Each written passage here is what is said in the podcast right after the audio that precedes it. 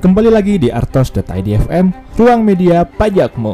Nah, teman-teman, semoga pada sehat selalu, tetap jaga kesehatan dan tetap disiplin protokol kesehatan.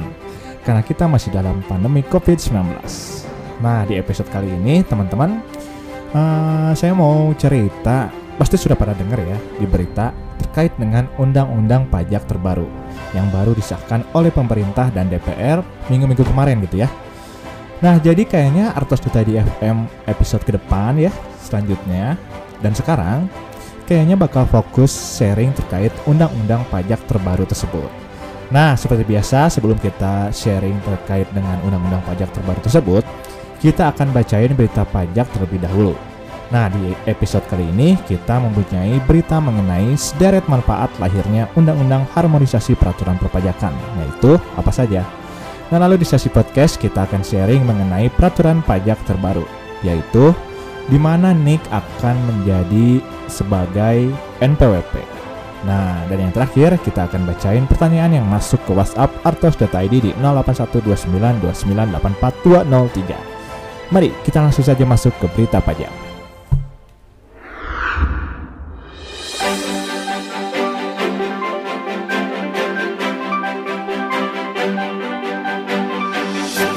Menteri Keuangan Sri Mulyani menargetkan penerimaan pajak pemerintah pada tahun depan bakal mencapai 139,2 triliun rupiah. Ia mengaku optimis bisa mencapai target lewat implementasi undang-undang tentang harmonisasi peraturan perpajakan.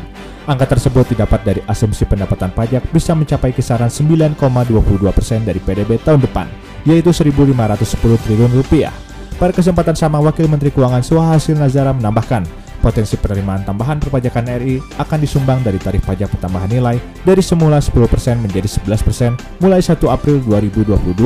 Lalu program pengampunan pajak jilid 2 yang mulai diterapkan pada Januari hingga Juni 2022. Dan juga yang terakhir penambahan kelompok pajak penghasilan pribadi di atas 5 miliar dikenakan tarif pajak sebesar 35% mulai tahun depan. Berita kedua, seluruh jagat negara baru-baru ini dihebohkan adanya praktik underground atau penghindaran pajak sekaligus penyembunyian harta bagi orang-orang terkuat dan terkaya di dunia lewat Pandora Papers. Dalam Pandora Papers disebutkan para orang-orang kaya atau pengusaha tersebut menyembunyikan hartanya di negara-negara surga pajak, seperti di Panama, Hong Kong, Belize, Kepulauan Virgin Inggris, Swiss, Uni Emirat Arab, dan lain sebagainya. Pelaksanaan program pengungkapan sukarela wajib pajak yang tertuang dalam Undang-Undang Harmonisasi Pajak satu tujuannya untuk mengejar wajib pajak dalam negeri yang menyembunyikan hartanya dan tidak teracak oleh Direktorat Jenderal Pajak. Alasan itulah kata Justinus yang membuat pemerintah harus melakukan program pengungkapan sukarela wajib pajak. Di samping itu, pelaksanaan program pengungkapan sukarela wajib pajak ini untuk meningkatkan kepatuhan wajib pajak untuk melapor kekayaannya. Berita ketiga, Kepala Badan Kebijakan Fiskal Kementerian Keuangan Febrio Kacaribu mengatakan berbagai keuntungan yang diperoleh setelah disahkannya Undang-Undang Harmonisasi Peraturan Perpajakan atau disingkat Undang-Undang HPP. Pertama, Undang-Undang HPP meningkatkan kinerja perpajakan ke level potensialnya dengan perbaikan administrasi maupun kebijakan, sehingga perpajakan nasional semakin siap menghadapi berbagai tantangan ekonomi ke depan. Selanjutnya dari sisi administrasi, Undang-Undang HPP menutup berbagai celah aturan yang masih ada dan mengadaptasi perkembangan baru aktivitas bisnis terkini.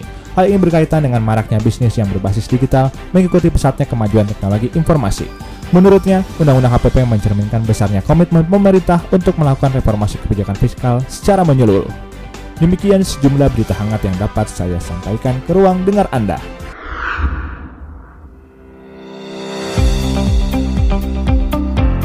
Nah teman-teman kembali di podcast Artos.id FM Ruang Media Pajakmu Karena sekarang sedang hangat-hangatnya ya terkait dengan peraturan pajak terbaru Yang akan diterapkan tahun depan. Jadi podcast episode kali ini kita akan membicarakan terkait peraturan pajak terbaru tersebut teman-teman.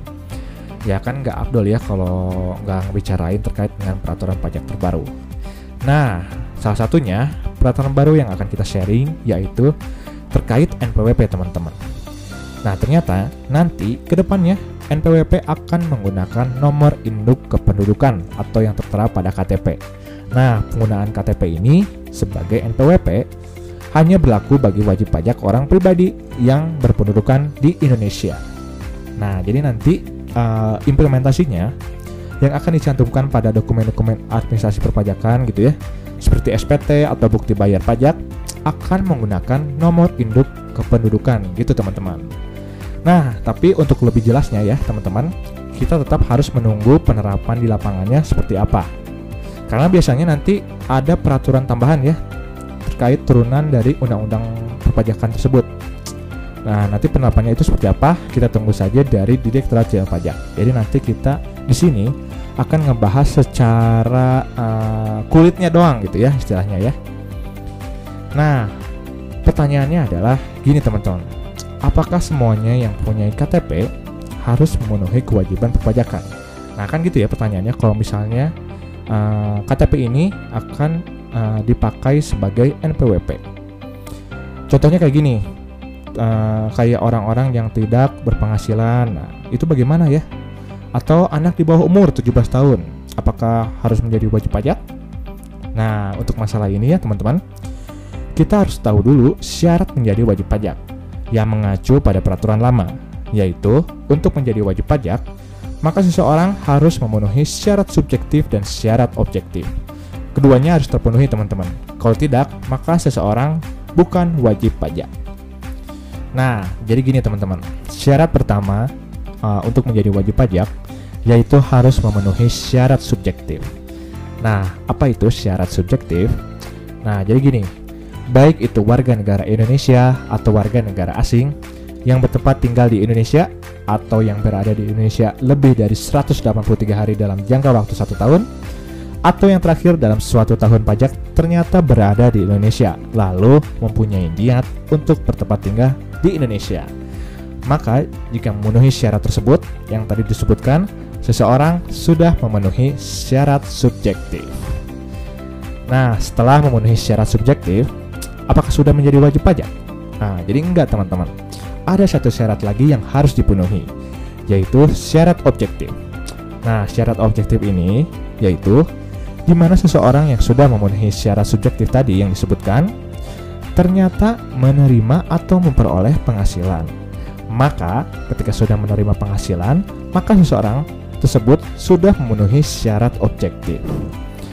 Nah, ketika seseorang sudah memenuhi syarat subjektif atau syarat objektif, maka uh, seseorang tersebut sudah harus menjadi wajib pajak. Nah, jadi sehingga terjawab, uh, sudah terjawab ya teman-teman. Apakah seseorang yang punya KTP harus berkewajiban pajak? Ternyata enggak semuanya teman-teman.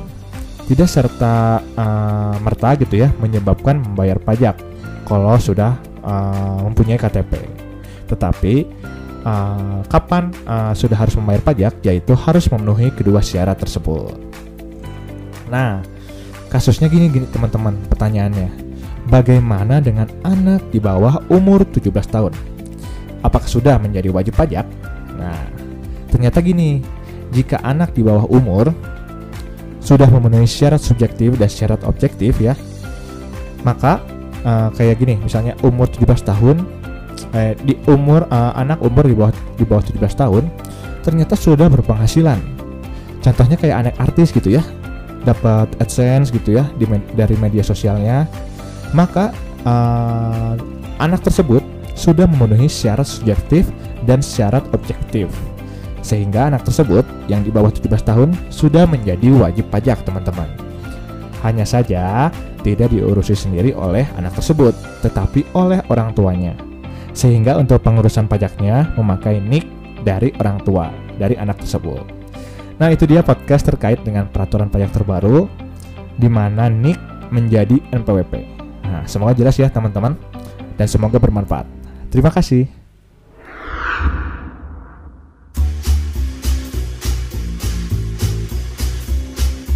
Seperti biasa di sesi akhir dari Artos.id FM, saya akan membacakan pertanyaan-pertanyaan yang masuk ke WhatsApp Artos.id di 081292984203. Nah, pertanyaan pertama ada yang masuk ya.